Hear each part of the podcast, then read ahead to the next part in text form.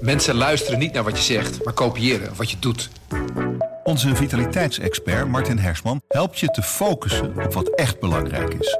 Beluister en bekijk Martin of een van onze andere experts op businesswise.nl. Businesswise, het nieuwe platform voor iedereen met ambitie.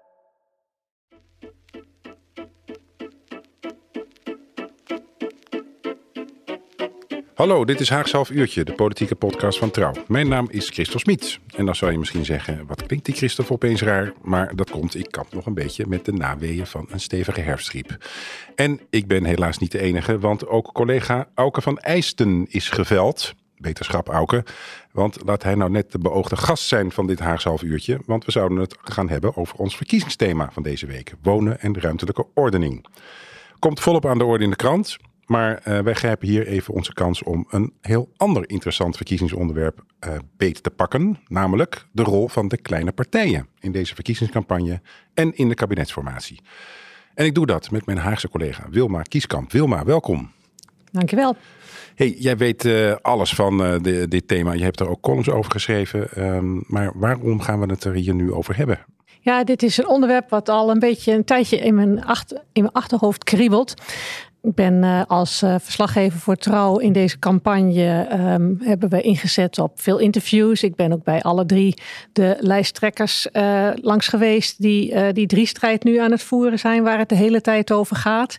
Maar toen ik bijvoorbeeld deze week bij Frans Timmermans was, toen begon er wel iets soort knagend gevoel me, en me afvragen zitten we, niet, zitten we nog steeds op het goede spoor. Want die grote partijen, die drie-strijd is super interessant en relevant. Maar um, die kleine partijen, die doen er ook heel veel toe. Uh, dat interview waar ik het over heb met Timmermans, dat staat trouwens um, zaterdag in de krant. Ja, uh, in de verdieping. Een beetje reclame maken. Maar goed, de kleine partijen dus. En um, kleine partijen, um, uh, het zit er een beetje in dat wat we, de, wat we bij deze verkiezingen zien, is iets dat er iets verandert aan de verhoudingen. nu er niet één er niet meer één partij is die er met kop en schouders bovenuit steekt. We hebben natuurlijk al langer dat, dat er heel veel kleine partijen zijn, de politieke versplintering, iedereen weet waar we het over hebben. Maar wat er dit jaar echt is veranderd, dat is ook die drie-strijd, dat het allemaal nek aan nek gaat daar bovenin die regionen. En um, dat daaronder uh, wel, wel dertien andere partijen zijn, dertien, die ook uh, meedingen misschien met zetels onder de tien. Anderzijds kunnen ze bij een, uh, straks na uh, de verkiezingsuitslag heel belangrijk worden. Omdat als je een kabinet wilt vormen, dan ben je er dus gewoon niet met alleen die grote partijen. Dat is één. Maar het andere is, als die grote partijen zelf zijn ook niet zo groot meer. Nee. Want dat, brengt mij inderdaad op de vraag: wat is tegenwoordig nog, wat kun je nog klein en wat kun je groot uh, noemen? Ik kan me een uitspraak uh, herinneren van een oude, vroegere Belgische minister, heel lang geleden. Dat ging dan over de landen in Europa. Hij zei: jij hebt twee soorten landen in Europa: kleine landen en landen die nog niet begrijpen dat ze klein zijn. Geldt dat ook voor de, voor de politieke partijen in Den Haag? Ja, dat vind ik eigenlijk wel heel toepasselijk. Uh, hoe, hoe je dat zegt. Ja, uh, kleine partijen en partijen die nog niet begrijpen dat ze klein zijn. Want ja, als je even gewoon, om dat nou eens in zetels uit te drukken. Um, Kijk, bijvoorbeeld partijen die nu aan kop gaan. Hè, dan hebben we het over uh, een nieuw sociaal contract van Pieter Omzicht. Nou, ongeveer om en nabij de 28 zetels zou die kunnen halen. Consequent hebben we het over dat dat een grote partij is. Maar 28 zetels op de 150, dat is toch helemaal geen grote partij. Uh, dat is een partij die heel hard andere partijen nodig heeft. En uh, als je dat vergelijkt met een aantal jaren geleden, uh, bijvoorbeeld, denk even terug aan, nou pak tien jaar geleden, hè? Heel, ja, lang geleden, maar toch ook weer geen lichtjaren terug. Toen, toen scoorden partijen nog rond de 40 de grootste partij die de verkiezingen won. Uh, eh, VVD heeft nog een keer 41 zetels uh, gehaald. Nou, PvdA heeft toen nog een keer. PvdA heeft nog een keer 38 gehaald. Dus een grote partij is tegenwoordig een partij die uh, ja, maximaal een derde van de zetels haalt. En de afstand tot, tot een kleine partij. Ja, wat is een kleine partij? Um, dat zijn partijen die. Er zijn heel veel partijen die zitten rond de 10 zetels in de, in de peilingen. Dus die, verhoud, die krachtsverhoudingen die zijn anders. En, en dat, dat zie je ook, zo kwam, ik, zo kwam ik er ook eigenlijk op. Je ziet dat terug in de campagne, in de toon van de campagne. Uh, ik, heb, ik heb in een column geschreven, al die lijsttrekkers die moeten zich eigenlijk wel bescheiden opstellen, want ze zijn compleet van elkaar afhankelijk. Aan de andere kant kunnen ze ook heel assertief zijn en zeggen van uh, we zijn weliswaar minder dan tien zetels, maar wij kunnen wel degelijk een rol spelen straks in die formatie. Ja, dat is ja, en kleine partijen, dat is dan de stelling voor vandaag misschien. Kleine partijen hebben wel degelijk uh, heel veel impact. Um, en als je een beetje de, de verkiezingsdebatten tot nu toe hebt gevolgd en de opiniepeilingen ziet, nou je zei het al, hè, we hebben te maken met een driestrijd, lijkt het wel, uh, tussen VVD, uh, GroenLinks, PvdA en Nieuw Sociaal Contract. Het lijkt wel alsof die kiezer een beetje wordt gedwongen om partij te kiezen, letterlijk, voor een van die drie. Uh, in hoeverre vervuilt dat een beetje de campagne? Zo'n zo'n ja, zo'n driestrijd uh, is opvolger van de bekende tweestrijd uit de vorige campagnes. En dat is voor de media um, een heel, heel uh, makkelijke uh, praktische mal om het verhaal, om het verhaal in te gieten. Je, hè, als je kan zeggen er is strijd tussen die en die, dan, dan maak je het speelveld wat, wat overzichtelijker voor die kiezers die uh, alleen maar aankijken tegen die lange lijst van partijen. En wat er dan op dit moment een beetje gebeurt, is uh, dat die driestrijd iets nieuws is. En alles wat nieuws is, krijgt extra aandacht. Maar ja, opgeteld zitten heel veel kiezers ook bij andere partijen. En um, in de televisiedebatten zie je het momenteel wel sterk terug. Er zijn, denk ik, dit jaar best veel debatten al geweest in de eerste fase, waarin de lijsttrekkers van de partijen waar we het straks over gaan hebben, uh, nauwelijks nog aan bod zijn geweest. Uh, we hebben Omzicht gezien, we hebben Jesselkus gezien, we hebben Timmermans gezien, maar hebben we Jette al ergens gezien? Die komt straks bij het tweede RTL-debat pas in beeld. Ja, Wilders, is die heel prominent aanwezig? Ja, die roert, zich, die roert zich wel. Die, die reken ik trouwens niet onder de kleine partijen, want die zit toch ook, uh, ja, die staat in, uh, op een vierde positie als de peilingen uitkomen, waar je trouwens ook altijd weer de nodige armslagen voor moet hebben. Maar in omvang is dat wel een, wel een mag die zich ook een grote partij noemen. Ja. ja. Wilma, als we even die zogenaamde kleine partijen uh, afpellen als een ui. Hè, en we kijken naar partijen die nu in de peilingen op minder dan tien zetels staan, dan staan daar al drie blikvangers tussen, namelijk de drie uh, coalitiepartijen uit de Rutte 4. CDA, ChristenUnie, D66. Uh, wat kun je daarover vertellen? Hoe hebben die zich geprofileerd in een campagne? Laten we eens beginnen bij de grootste van die drie, D66. Ja, D66, ja, dat, is, dat is toch bijna Shakespeare waar je tegenaan kijkt, of niet? Um, valt mij op dat bijna niemand het erover heeft dat dat op dit moment in elk geval nog steeds de tweede partij van het land is. Uh, het leidt bij hen, hè, we hadden net over die tv-debatten. Rob Jetten zal misschien af en toe wel gedacht hebben: waarom krijg ik niet op basis alleen daarvan nog steeds een uitnodiging? Uh, dus is een soort sfeer rond die partij van hoog klimmen, hard vallen en. en um, ze zitten op dit moment erg in de hoek waar de, waar de klappen vallen. Daar vertel ik natuurlijk niks, niks nieuws. Dat hebben ze ook vaker meegemaakt, hè? Uh, als vroeger, ja, vroeger regeringspartij, ja. dan ging het altijd uh, naar beneden. Ja, ja, kijk, en, en uh, als je het hebt over um, impact hebben, als, als ze zijn, hebben impact gehad toen ze um, de tweede partij van het land werden, onder Sigrid Kaag, hè, de, de, monumentale klappen die ze toen gemaakt hebben.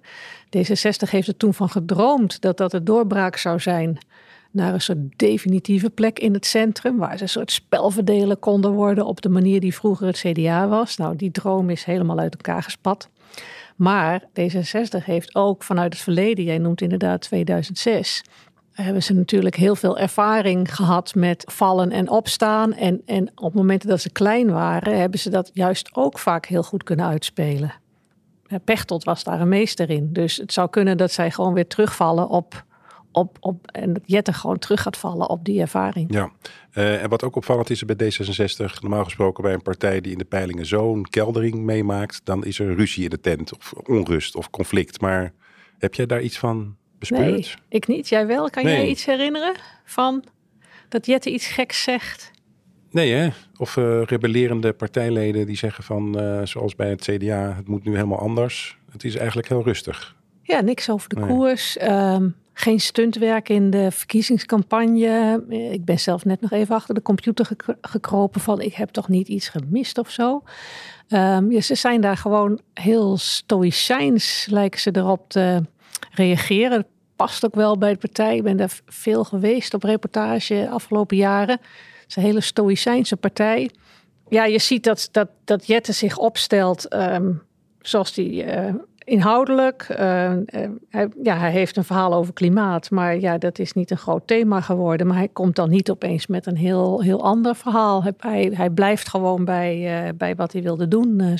Ze, ze, proberen toch op die manier, denk ik, um, is denk ik hun strategie van zich niet gek laten maken en door de rust die ze uitstralen, dan toch op het laatste moment wel die kiezers terug proberen te pakken. Ze stijgen alweer iets in de peilingen. Oké. En wat als je een beetje terugkijkt op de afgelopen regeringsjaren van D66, wat zou jij, wat is, was hun grootste impact op, op, op de politiek in Nederland? Ja, ze hebben nu natuurlijk zes jaar geregeerd. En um, ja, als je alleen, alleen het laatste regeerakkoord bekijkt, hun impact was dat ze op papier gigantisch veel voor elkaar kregen. Op papier. Um, de tragiek was dat dat ja, voor een heel groot deel vastliep als het dan in de praktijk uh, dat uitgevoerd moest gaan worden. Dus ja, je kan zeggen, ze hebben in die zin bijvoorbeeld met klimaat wel, um, uh, zij, kunnen zij zich wel terecht op beroepen dat ze succesvol zijn geweest. Want uh, die klimaatwet is er gekomen en er is een soort, ook een soort maatschappelijke acceptatie gekomen van dat we klimaatbeleid nodig hebben. En heel Nederland hangt inmiddels vol met zonnepanelen. Um, en toch um, hebben ze misschien juist ook omdat ze dan zo graag altijd zeggen, dat is echt een gevleugeld woord bij D66 hoor, dat ze voorop lopen. Moet je maar eens opletten hoe vaak ze dat gebruiken. Door dat voorop lopen hebben ze ook een soort imago wat dan weerstand oproept en waar ze dan in verkiezingstijd weer last van hebben. Dan worden ze weer teruggetrokken, als je het zo mag zeggen, aan het touwtje ja. van uh, ja, kom, kom maar weer eens. Uh, ja. ja. Maar goed, daar trekken ze dus weinig van aan. Ze zeggen van wij lopen toch wel voorop en als jullie niet volgen, pech, pech dan voor iedereen. Ja, zo lijkt het een beetje, ja. ja. Hey, um, even naar een heel andere soort regeringspartij die ook in de, in de hoek zit waar de klappen vallen, het CDA. Die hebben hmm. natuurlijk wel hele turbulente tijden meegemaakt met Hoekstra als partijleider, die uh, inmiddels naar Brussel is vertrokken. Hoe, uh, hoe zie je hun positie op dit moment? Ja, er schoot mij een woord te binnen. Um, toen ik hier even over het nadenken was vanochtend. Uh, waar het CDA volgens mij op dit moment van profiteert, is een soort underdog bonus. Mm -hmm. uh, ze hebben een nieuwe leider, Henry Bontebal. Uh, is heel goed ontvangen. Hij doet, die doet het bij media-optredens formidabel goed. Um, als je het afzet tegen hoe ze in de peilingen staan, hè, dat, dat is bijna niet te geloven. Het laatste stand was geloof ik vier zetels. En er zit ook helemaal geen beweging in. Ook niet sinds Pontebal er is. Uh, maar je ziet wel een soort um, credibility voor hem. Ja, dat gaat dan goed. Het levert nu nog geen zetels op. Ik denk dat bij het CDA de strategie nu is van uh, we pakken het vlies. En uh, we, wachten even, we wachten af hoe het zich ontwikkelt met nieuw sociaal contract van omzicht. En dan is er een soort stille hoop. Dat hoor je dan ook bij, die, bij die partijen als je daar bent. Um, dat kiezers dan bij de volgende gelegenheid terugkeren naar het origineel. Zo noemen ze dat, het origineel. Dus ze zijn eigenlijk nu al bezig met de volgende verkiezingen? Ja, misschien wel, ja. ja. dus kijk, en, het CDA heeft natuurlijk ook straks um, impact, um, omdat zij nog steeds een middenpartij zijn, net als, het, net als D66. Partijen in het midden zijn een soort scharnierpunt Zeker als je meerderheid wilt vormen in een coalitie. En het CDA weet, weet Bontebal ook. Um, ook al staan we er nog zo slecht voor nu. Straks zijn we gewoon nodig voor bijna elke denkbare coalitie. En hij heeft ook al laten weten dat hij zijn huid duur zal verkopen, toch? Mocht uh, het CDA nodig zijn bij een coalitie, dan uh, zullen ze niet zo meegaand zijn als vorige keer. Ja, en je ziet ook dat hij um, ook um, een soort van daaruit misschien vanuit een soort zelfverzekerdheid van dat hij wel weet van dat ze toch niet om hem heen kunnen, ook al durft om uh, Pieter Omzicht aan te vallen. Iets wat heel gevoelig ligt bij Omzicht, want uh, die reageert nog steeds getergd op alles wat het CDA over hem zegt, omdat hij zich door die partij zo slecht behandeld voelt. Maar dat, daar houdt, dat weerhoudt Pontebal niet om. Uh, interviews te geven. Uh, ik heb het nog eens even nagezocht. Hij heeft al gezegd dat hij vindt dat uh, Pieter Omzicht doorslaat. Dat Pieter Omzicht een te zwart beeld van de overheid schetst. Hij heeft zelfs gezegd, dat is vrij gedurfd, van er is een nieuwe cultuur nodig, maar Pieter Omzicht is dat niet. Omdat dat dan, um, ja, omdat hij op zijn lijst toch eigenlijk gewoon weer geput heeft uit voormalige CDA's. Niet echt nieuwe mensen. Hè. Dus uh, je ziet dat um, Bontebal, zou ik zeggen, die, um, die huid duur verkopen, daar is hij al mee bezig. Ja. ja. En hij probeert ook heel erg het verhaal te vertellen van uh, het CDA als the original, hè, als het het origineel. En omzicht is dan, uh, en BBB natuurlijk ook met Caroline van der Plas, ook een ex-CDA. Uh, Bontebal zegt eigenlijk van uh, uiteindelijk zal iedereen toch weer terugkomen bij het origineel, is zijn hoop. Ja, dat is zijn hoop. Het is natuurlijk ook wel een. Ja, of dat zo uitpakt is nog best moeilijk te voorspellen. Het kan ook zijn dat, dat als, als omzicht het goed doet. Dat, uh... Je hebt ook zoiets als de wet van de remmende voorsprong, hè? waar dan mm. misschien het CDA ja. slachtoffer van is. Um, ik vind hem trouwens mooi, uh, Wilma, die um, uh, underdog bonus. In, uh, zeg maar als contrast met de premiersbonus. Die, die moeten we onthouden, dat woord. De underdog bonus. Dan hebben we ook nog de ChristenUnie. natuurlijk een heel ander soort regeringspartij die eigenlijk nooit meer dan tien zetels heeft gehaald. Dus die, die is wat heel anders van karakter. Wat, wat kan je daarover vertellen? Ja, zij, zij zijn natuurlijk het voorbeeld bij uitstek. Hoe je met heel weinig zetels behoorlijk veel impact kunt hebben uh, iedereen, alleen al dat iedereen de ChristenUnie heel goed kent. Voor, voor een partij die uh, maar vijf zetels had de afgelopen jaren, hebben zij zich ontzettend in de kijker weten te werken. Door dan wel in een kabinet te stappen, maar altijd op een manier waar, waar ze heel erg duidelijk hun eigen profiel hielden. En um, ja, je ziet wel bij, bij hen dat ze daardoor ook echt wel dingen bereikt hebben. In het vorige kabinet hebben ze bereikt dat um, op klimaat en migratie ja, door zich vast te klinken, ook samen met D66, hebben ze heel veel bereikt. En ze hebben voor zichzelf toen ook bereikt dat op medisch-ethisch gebied, in elk geval in het eerste kabinet waar ze recent in zaten, het kabinet Rutte 3, dat het medisch-ethisch toen uh, dingen ook uh, ja, min of meer zijn stilgelegd op hun wens.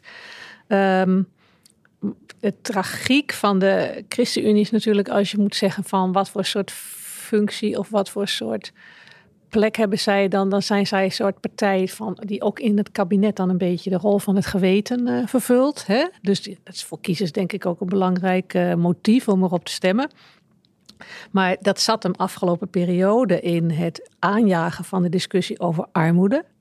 Daar waren zij heel erg mee bezig. En de tragiek is, zij hadden de minister van Armoedebeleid, maar die kwam er bijna niet doorheen met echt beleid, omdat ja, andere ministers over over de, op het geld en de, en, de, en de sleutels van de schatkist hadden. En dat had, had de ChristenUnie-minister niet. Carola Schouten. Ja, dat, eh, Carola uh, Schouten hebben we het natuurlijk over. Ja.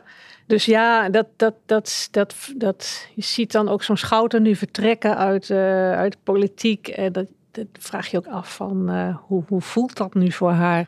Um, Oké, okay, dat, dat waren dus de drie tot nu toe coalitiepartijen. Uh, die misschien straks niet meer in de coalitie komen. Uh, als we nu even overschakelen op partijen die nu nog in de oppositie, of eigenlijk altijd al in de oppositie hebben gezeten en van nature klein zijn.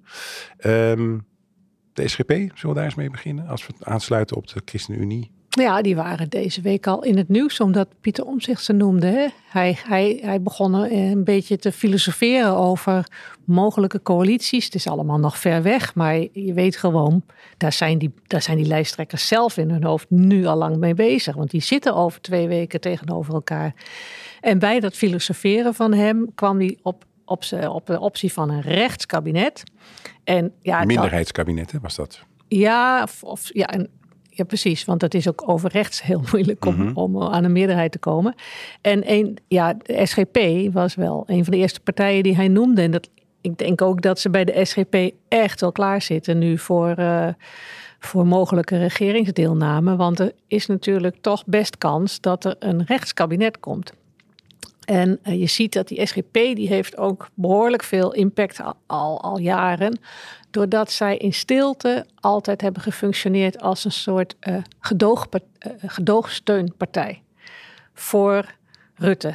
Soms heel openlijk, eh, soms wat, wat eh, meer op de achtergrond. Maar op cruciale momenten, als, ook, als, ook als Rutte het moeilijk had in debatten, dan was er altijd die steun van de SGP. En die ging ook vaak wel, een ook wel in ruil voor dingen waar de SGP eh, belang aan hechtte. was niet altijd zo'n keiharde zichtbaarheid van hoe die ruil erin zag, uitzag, maar je voelde hem vaak wel. En dat de SGP bijvoorbeeld de motie van wantrouwen heeft, heeft gesteund tegen Rutte in, in dit voorjaar, in april. Dat was een van de eerste momenten dat je voelde van nu wordt het wel heel wankel voor dat, uh, voor dat kabinet Rutte. Nu krijgen ze het wel heel moeilijk. Dus zo, zo weinig kan dat soms schelen. Hè? Zo, ja. een, een, stem van een relatief ja. kleine partij Ja. kan, kan een coalitie een zetje geven. Maar goed, ja, je bent ook wel benieuwd hoe dat dan eh, bijvoorbeeld ligt op het gebied van ehm, ja, punten die voor de SGP dan weer belangrijk zijn. Want eh, die, die nieuwe lijsttrekker daar, Chris Stoffer, de opvolger van Van der Staaij, die, die staat net vandaag eh, te demonstreren bij een abortuskliniek. En ik, ik zie al dat VVD-politici op, op social media al heel duidelijk meteen al met reacties komen dat ze dat he- ontzettend heftig vinden. Oké, ehm, even kijken. Wat hadden we nog verder op ons lijstje staan? Eh, de SP zie ik daar. Socialistische Partij. De SP, ja. Ja. ja. daar weet je eigenlijk meer van dan ik, denk Dat ik. hè? schijnt zo ja. te moeten zijn, hè? Ja, want we hebben op de redactie dat een beetje verdeeld. Ja, nou volg ik de SP nog niet zo heel lang, Mm. maar wel lang genoeg om iets te kunnen zeggen. Ja, het, het is een beetje, ook, je, je noemde al net geloof ik het woord tragisch bij, bij het ChristenUnie. Maar de, SP, kijk, normaal gesproken voor een beetje linkse kiezer zou je zeggen dat de SP de ideale partij is. Hè? Want die hebben heel lang geageerd tegen de miljarden winsten van grote bedrijven, tegen de privatisering van de zorg en van allerlei andere openbare diensten. Eh, hele terechte punten zou je bijna zeggen voor een linkse kiezer. En toch slaagt die partij er maar niet in om, ehm, om te groeien. Sterker nog, ze, ze, hebben de ene verkiezingsnederlaag. Nou, volgens mij is het alweer bijna tien jaar geleden dat ze voor het laatste een verkiezing hebben gewonnen. Eh, en ik ben er nog niet helemaal achter hoe dat nou precies komt. Volgens mij die partij zelf zit daar ook ontzettend mee in de maag. Van hoe komt dat toch? Dat wij met zo'n aansprekend verhaal en ook met een redelijk jonge, eh, goed van de tongriem gesneden lijsttrekker als Lilian Marijnissen. Toch slaagt hij er niet in om, eh, om veel kiezers te trekken. Ik- Maar zou het, zou het ook te maken kunnen hebben dat ehm, bij. Kijk, zij zitten natuurlijk in die, in die hoek waar het altijd heel veel over gaat. eh, sociaal, eh, links, cultureel, wat conservatiever. En dat is aan de ene kant de hoek waar allerlei partijen heel graag ja, gaan staan om, eh, omdat ze daar veel kiezers eh, vermoeden. Maar waar eigenlijk bijna geen enkele partij gedijt Mhm. in dat kwadrant. Daar zou het iets mee te maken kunnen hebben. Ja, ze hebben ook natuurlijk ook, eh SP heeft zich natuurlijk ook erg gedistanceerd van die linkse samenwerkingen van GroenLinks en Partij van de Arbeid. Daar willen ze eigenlijk niks mee te maken hebben. Want ze zeggen ja, Partij van de Arbeid heeft jarenlang meegedaan samen met de VVD aan neoliberalisme en aan de afbraak van, van een sociale samenleving. Eh, dus daar is ook iets scheef gegroeid in die linkse hoek. Wat, zie jij eh, daar al toenadering weer? Want er was sprake van dat de een de ander zou gaan bellen. Ja, ik, tot mijn verbazing kwam ik er ook deze week achter dat Lilian Marijns nog nooit een ontmoeting heeft gehad met Frans Timmermans. Ik moest gelijk denken aan dat felle anti-Timmermans spotje dat ze ooit eh, bij de Europese verkiezingen hebben op de- ons hebben voorgeschoteld. Misschien weet je dat nog met die Hans Brusselmans die daar ergens in een villa allemaal taart zat te eten. Heel onsmakelijk spotje was dat. Eh, maar goed, ehm, dat is nog steeds niet helemaal eh, goed gekomen tussen die twee, volgens mij. Ja, de- bij de SP blijf je toch zien dat ze ook richting andere linkse partijen ehm, afstand bewaren. Ja, ik vond, volgens mij is het motto van de SP, wat ik op een Twitter-account zag, was iets van blijf niet mokkend aan de kant staan. Maar nou ja, moeten na de verkiezingen maar zien hoe dat, eh, hoe dat eruit ziet. Maar ik kreeg soms de indruk dat zij straks ook weer mokkend aan de kant blijven staan. Hmm. Maar dat is misschien te veel op de verkiezingen vooruitlopen. We gaan het zien.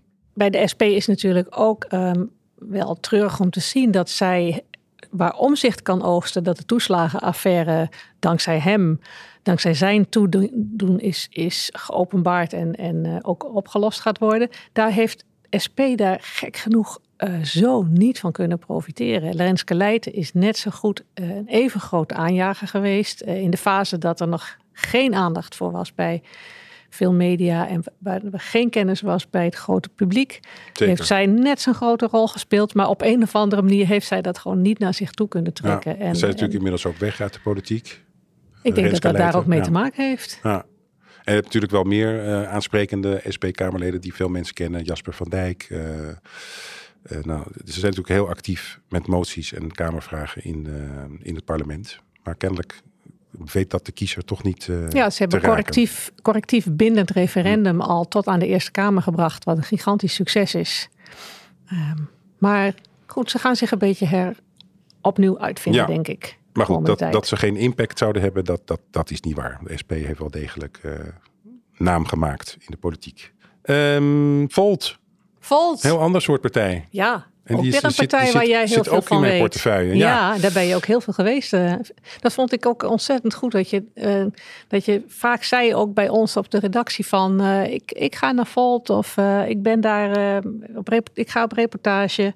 Nou ja, dat, wij- dat doet iedereen toch, hoop ik, van zijn partij. Tenminste, ik zie allerlei stukken van een congressen van mijn collega's. En denk van, oh jee, nou moet ik ook naar Volt. Ja, maar er was, het, het goede vond ik dat er dan geen discussie was dat het een kleine partij was. Maar dat je het ook een soort, dat je zei, nou het is gewoon vanzelfsprekend om dat ook te volgen. Oh, ja. Ehm, ja, wat zullen we eens over Volt zeggen? Dat is natuurlijk, ehm, eh, in 2021 maakte die zijn debuut. Toen kenden weinig mensen nog. Was het nog een partij een beetje groen achter de oren. Jong, naïef, heel pro-Europees. Als ik ze nu bekijk, dan eh, is dat jonge en nat achter de oren, dat is er wel vanaf. Laurens Dassen heeft ook net, eh, geloof ik, is vader geworden. Ja, Gaat hij een nieuwe fase in en is dat ook bij de partij dan? Dat zou bijna eh, symbolisch kunnen zijn, inderdaad. Ehm, maar je ziet wel, ook als je een partijprogramma leest, het is heel ehm, assertief. Ze lopen behoorlijk eh, voor de troepen uit. Heel pro-Europees. Ze zeggen op een gegeven moment ook van... eh, we moeten een verenigd Europa hebben, want alleen Europa kan alle oplossingen, alle problemen van nu oplossen. Migratie, klimaat, noemt alle, noem alles maar op. Eh, maar soms hebben ze ook voorstellen, denk van ja, dat gaat natuurlijk in de komende vier jaar absoluut niet gebeuren. Hè. Zoiets als schaf alle nationale ministers van buitenlandse zaken af. Nou, dat moet je niet in Berlijn of in Parijs eh, voorstellen, want dan eh, klimmen ze daar in het behang. Eh, dus het is heel ambitieus en heel Europees.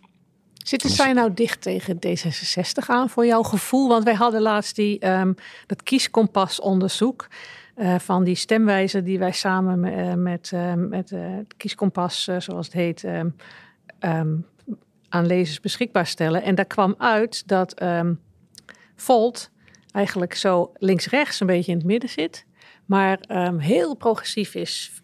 Dus je vraagt je af, is dat dan, zijn zij nou een soort progressief zusje Ja, of zo wordt broertje van zo wordt het vaak D66? gezegd. hè. of Zo wordt het vaak gezegd, van dat is eigenlijk een eh, soort kloon van D66. Maar dan, ze zijn wel, qua Europa zijn ze natuurlijk veel eh, uitgesprokener. Ik heb D66 niet horen zeggen dat je de minister van Buitenlandse Zaken moet afschaffen. D66 is natuurlijk wat meer een diplomatenpartij wat dat betreft. Die eh, zijn wat voorzichtiger en die weten wat er speelt in de wereld. Je zou bijna bij Volt soms zeggen van, dat ze nog iets te naïef zijn. Maar met klimaat bijvoorbeeld gooien ze ook behoorlijk de kont tegen de krip. Eh, ze zeggen bijvoorbeeld dat 2040, niet 2050, maar 2040 moet eh, Nederland al klimaatneutraal zijn.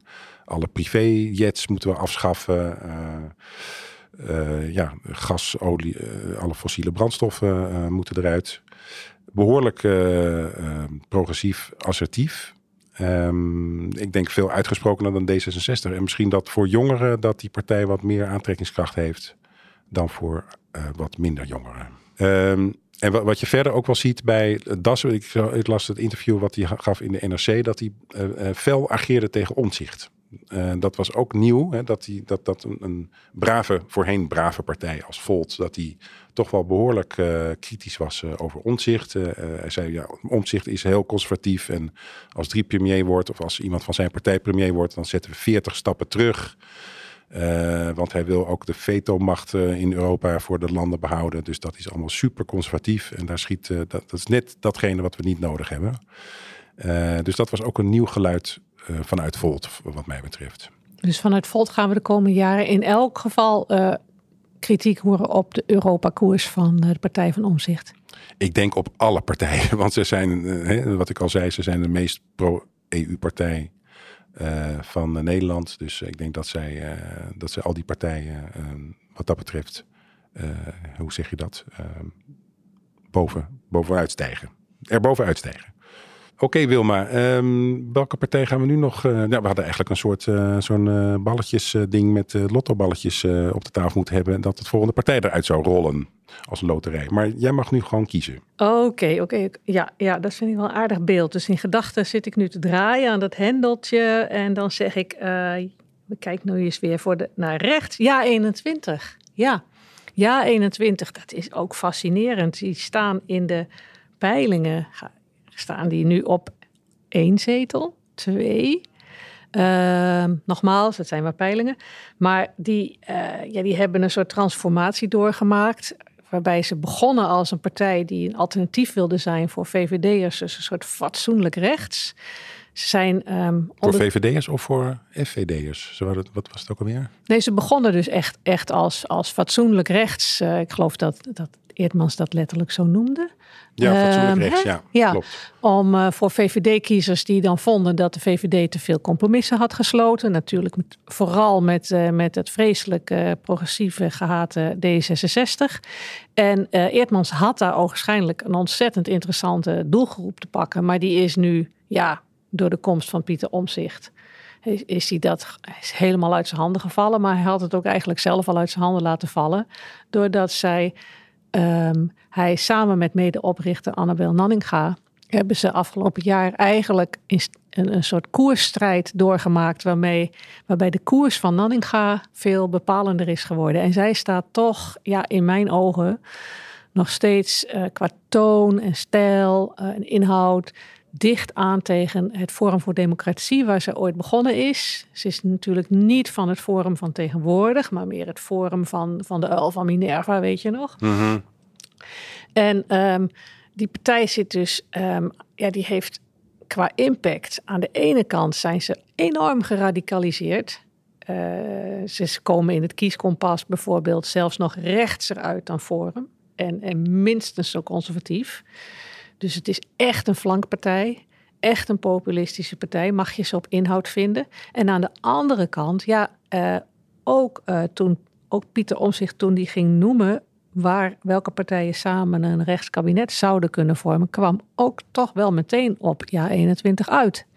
Met dat dus ene zeteltje. ja, ze hebben wel wat uit te spelen hoor. En wat hebben zij precies, je noemt al de impact, maar wat, eh, in hoeverre hebben zij bijvoorbeeld de discussie over asiel en migratie bijgestuurd of afgeremd of juist? Ik denk vooral door te bestaan. Door te ah. bestaan uh, als dat er naast de VVD andere partijen zijn waar kiezers op kunnen stemmen. Die, over, die een heel onversneden geluid over asiel hebben. Die um, gerust roepen, of met enthousiasme roepen dat allerlei internationale verdragen opgezegd moeten worden. Die harde taal gebruiken. Um, uh, ja, door te bestaan vullen zij alleen al een gat op rechts. Alleen hangt erg af van wat ze zelf dus ook gaan doen met die koers. Of ze nog weer een beetje terugkruipen naar het midden. Het is eigenlijk onvoorspelbaar bij deze mensen. En niet te vergeten, het hangt af van uh, de verkiezingsuitslag. Hoe groot ze eruit komen. ja, dat, uh, goed. Maar het is toch niet te verwachten dat ze nog tien zetels gaan halen. Nee, maar goed, dat misschien uh, in theorie is het mogelijk dat ze helemaal niet terugkeren in de Kamer. Maar dat is wel heel theoretisch. Weet jij nog trouwens dat wij ooit de, als, als redactie de Joost Eertmans bokaal hebben in het leven hebben geroepen? Dat was voor mijn tijd, maar ik heb daarover gehoord, ja. ja Hoe zat ja. dat? Nou ja, het was een beetje een plagerijtje. In een van onze rubrieken over, over alles wat zo passeert in het, in het uh, parlement uh, hadden we toen een uh, naam bedacht voor een partij voor de politicus die van de meest van het grootste aantal partijen ooit zelf lid en actief is geweest. En dat was dan Joost Eertmans, want uh, de lijst is inmiddels niet uh, meer te tellen. Maar goed, hij is ook heel uh, flexibel. Ja. Dus vandaar die Joost Eertmans En hij was, bokaal. De, de, de, eerste Joost Eertmans bokaal werd ook gewonnen door Joost Eertmans, als ik me niet vergis. Ja, ja dat, de laatste keer ook geloof okay. ik. Ja. Um, we kunnen alle partijen wel uh, gaan aflopen, maar dat doen we niet, denk ik, want uh, daar, zijn er te veel. Maar ik zie nog wel de BBB. Dat, dat is natuurlijk, uh, dat zullen misschien luisteraars zeggen, waarom hebben jullie daar nog niet over gehad? Maar dat is wel een twijfelgeval, hè? Want is dat, is dat een kleine partij? Wordt dat een ja. grote partij? Ja, we weten nou ja, niet. goed. We hebben het natuurlijk steeds, als we kleine partijen hebben en dan hebben we dus klein, ja, we hebben kleine, kleine partijen en kleine, grote partijen. En daartussenin hangt de BBB een beetje. Want ja, ehm, het, is een beetje, het beeld is een beetje onduidelijk of zij nu uh, terug, terugvallen naar een soort partij van tien zetels. Dat, dat zou kunnen als je de peilingen ziet. Nou, terugvallen. Um, ze, ze, komen natuurlijk van 1, CQ 4 nu. Maar... Ja, maar in maart waren ze de grootste. Hè? Bij de provinciale statenverkiezingen in de Eerste Kamer hebben ze um, uh, 16 zetels. De grootste fractie zijn ze daar. En, en, en dat, daar kan Caroline van der Plas ook wel een beetje gerust door achteroverleunen. Omdat ze gewoon weet van um, wat ook de uitslag is. Um, in de Eerste Kamer heb ik een soort, een soort uh, schatkist staan met 16 zetels. En ze komen vanzelf wel bij mij bedelen. Dus, dus heel, kijk, als straks die discussie weer begint over stikstof, die nu even geparkeerd is, dan, uh, ja, dan zit ze er eigenlijk best comfortabel bij qua impact. En dan, zal, uh, dan maakt het misschien voor haar in wezen niks uit of ze nu 10 zetels haalt of 20 zetels haalt. Uh, van omzicht kan ze duidelijk niet meer winnen. Maar voor de, de, het, het, onderwerp waar ze min of meer voor is opgericht, voor, uh, voor de boeren en het stikstofbeleid, kan ze gewoon heel veel binnen gaan halen. Ja. Via die Eerste Kamer. En ze heeft sowieso natuurlijk haar naam wel uh, redelijk gevestigd inmiddels ehm, in, in Den Haag. Dus dat, daar hoeft ze zich inderdaad geen zorgen over te maken over plussen en minnen. Oké, okay, uh, dat was de BBB. En dan hebben we toch nog één niet te onderschatte partij op de lijst staan. En dat is de Partij voor Dieren. Waar we ja. zoveel over gehoord hebben de laatste maanden. Ja, Hoe staan die er nu voor? Die hebben we niet voor, het laatst, niet voor niets voor het laatst bewaard natuurlijk. Want um, dat, uh, die staan er heel goed voor. Terwijl daar, uh, zoals iedereen weet, een enorme toestand is geweest over de vraag of Esther, Lijst, Esther Ouwehand lijsttrekker kon blijven nadat ze een conflict had met het oude bestuur. Nou, allemaal, allemaal wonderbaarlijk weinig effect gehad op hoe ze ervoor staan in de campagne. Misschien heeft het zelfs voor sommige kiezers een soort beeld versterkt van die oude hand. Die kan knokken als het. Uh, en uh, dat, is een, dat is een vechtertje. En dan die weet de strijd ook wel naar zich toe te trekken. Dus ik denk dat het uiteindelijk in haar, haar voordeel is geweest. Een ander soort bonus is dat. Hoe zullen we ja. die eens noemen? De, de dierenbonus. Nee, de, ja. de vechtersbonus. Ja, dat is de pitbullbonus. De pitbullbonus. Oh, dat zou. Ja, ik weet niet of ze dat zelf een compliment vindt, een pitbullbonus, maar, maar het past wel in beeld, ja. Want die, ze zijn natuurlijk wel een soort pitbull in het parlement geweest, dat uh, wat zij zelf als hun functie beschouwen is um, het, het aanjagen van de discussie. En dat is ook wat, een sterk motief voor mensen om op die partijen te stemmen. En uit elk onderzoek blijkt ook weer dat bijvoorbeeld de kiezers die deze partij best relatief elke keer flink laten groeien nog, dat die kiezers die zijn veel gematigder dan de partij zelf. Dus die kiezers die stemmen erop omdat ze vinden van zelf ben ik misschien niet zo radicaal op, um, op klimaat en natuur, maar iemand moet het doen, laten zij het doen.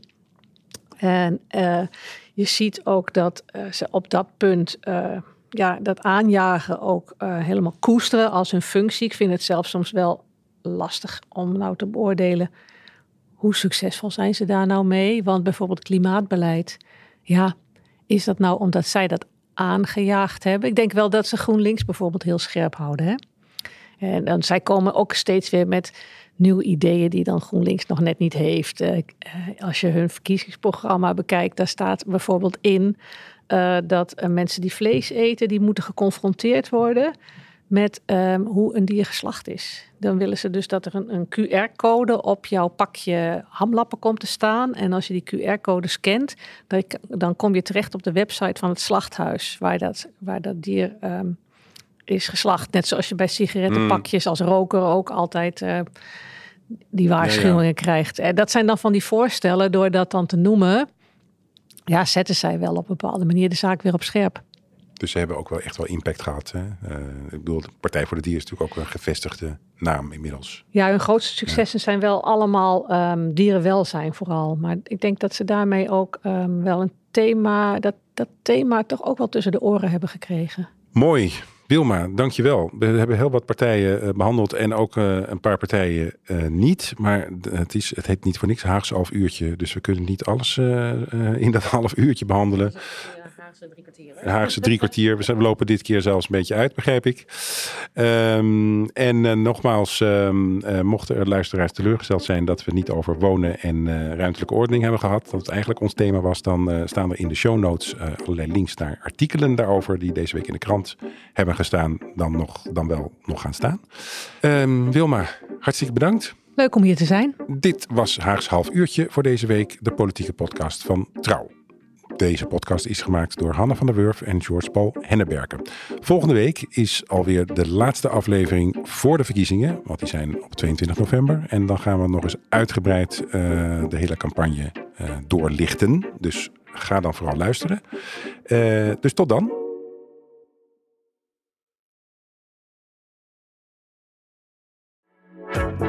Mensen luisteren niet naar wat je zegt, maar kopiëren wat je doet. Onze vitaliteitsexpert Martin Hersman helpt je te focussen op wat echt belangrijk is. Beluister en bekijk Martin of een van onze andere experts op businesswise.nl. Businesswise, het nieuwe platform voor iedereen met ambitie.